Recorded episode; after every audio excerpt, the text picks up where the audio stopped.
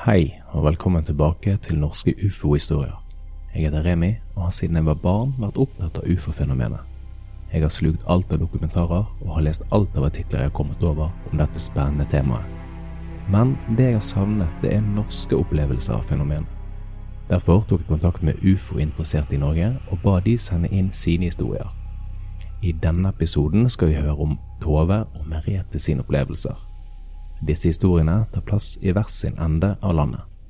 Navn og steder kan være anonymisert av hensyn til de involverte. Toves opplevelse. Vi befinner oss et sted i Nord-Norge, klokken ett natt til andre juledag. Bygden opplevelsen tar sted i, ligger ved en avsidesliggende fjord med få hus, og som Tove beskriver det, er en rolig, liten bygd. Tove gjør seg klar for å gå ut og ta kveldens siste sigarett før hun skal legge seg. Tove har sin faste rutine, hun tar med seg mobilen ut og scroller de få minuttene hun er ute og tar seg en røyk. Det er iskaldt denne natten, men det er måneskinn og veldig stille. Tove har akkurat tent sigaretten og fisket opp telefonen fra lommen da en tanke datt inn i hodet hennes, nesten som en stemme som sier til henne hvis du vil se noe, må du se opp nå.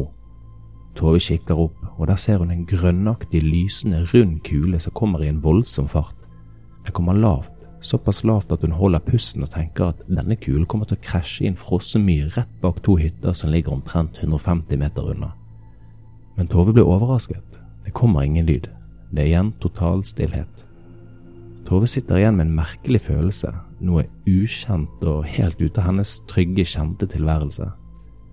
Dagen etter har Tove egentlig glemt hele episoden, men kommer på det da hun sitter med middagsbordet hos sine svigerforeldre, som bor rett ved siden av. Hun begynner å fortelle historien, og det tar ikke lang tid før hun blir avbrutt av svigermor, som fullfører historien med sin opplevelse. Svigermoren til Tove hadde sittet og strikket da hun fikk det for seg at hun måtte se opp og ut av vinduet. Hun hadde også sett det samme lysende kulen i voldsom fart mot de to hyttene. Både hun og Tove var sikre på at kulen kom til å krasje i den ene hytten, men den forsvant rett bak dem, mot myren på baksiden. Svigermoren til Tove er en som ikke tror på noe som helst overnaturlig, og prøvde å finne en naturlig forklaring på dette fenomenet, men det klarte hun ikke.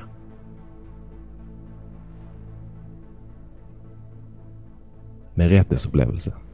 Denne historien tar plass et sted i Aust-Agder, og det er september 2011, litt over klokken 23. Merete og mannen gjør seg klare for å legge seg. Mannen er oppe på badet og pusser tennene, mens Merete er på kjøkkenet for å slå av lyset. Det er vindstille da Merete plutselig hører en sterk svusjelyd som bare blir sterkere og sterkere. Merete blir litt forundret over hvor fort vinden blåste opp, og åpner verandadøren på kjøkkenet for å se om det blir storm. Det er helt mørkt ute denne kvelden, og ikke noe måneskinn. Da Merete kommer ut på verandaen, kommer det plutselig et gigantisk lys over henne og området. Hun estimerer at det var mellom 100 og 150 meter i diameter. Lyset kom så brått at det var nesten som en bryter ble slått på, og denne svusjelyden hun trodde var vind, ble borte. Det var nå helt stille. Lyset var ca. 100-200 meter oppe i luften og omtrent 100 meter unna Merete. Hun beskriver det som rundt, kanskje litt ovalt. Fargen var helt klart hvitaktig lys med litt gult i. Kantene på lyset var helt klare, og det lyste ikke opp noe rundt seg. Hun blir stående målløs og ser på lyset i ca. 20-30 sekunder. Hun er ikke redd, bare bergtatt av det hun ser på og tenker for seg selv wow. Hun tenkte ikke engang å rope på mannen sin. Plutselig ble det mørkt igjen, som om bryteren nå ble slått av. Lyset forsvant like fort som det kom, og lyden som hadde vært i forkant, var nå også borte. Merete satt igjen med en følelse av takknemlighet av det hun hadde sett. Hun forteller om det hun så til mannen sin, som tror på henne. Han hadde også hørt det han trodde var vinden.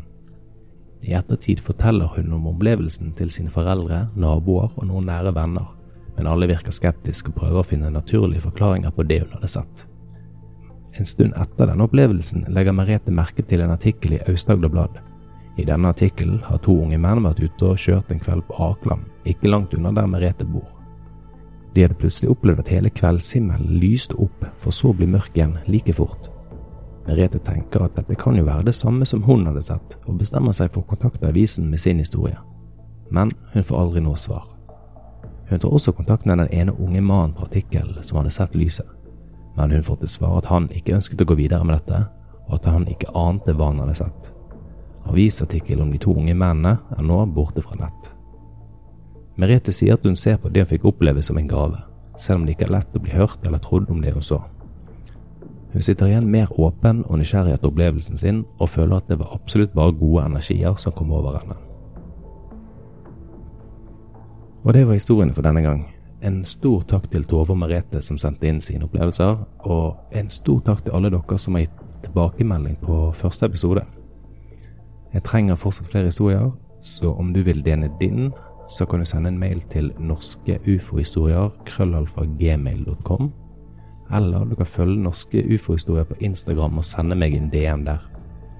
Jeg heter Remi, og takk for at du hørte på Norske ufo-historier.